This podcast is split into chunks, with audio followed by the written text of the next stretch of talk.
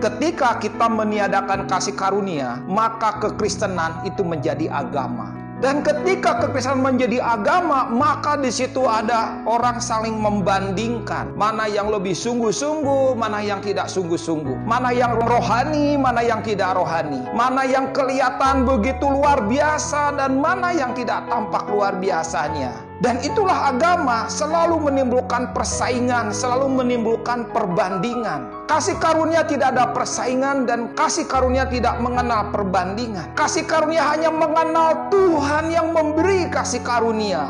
Dan kita menjadi orang-orang yang tidak layak menerima apa yang Tuhan beri itu. Hal yang kedua, dia mengubahnya kasih karunia menjadi upah.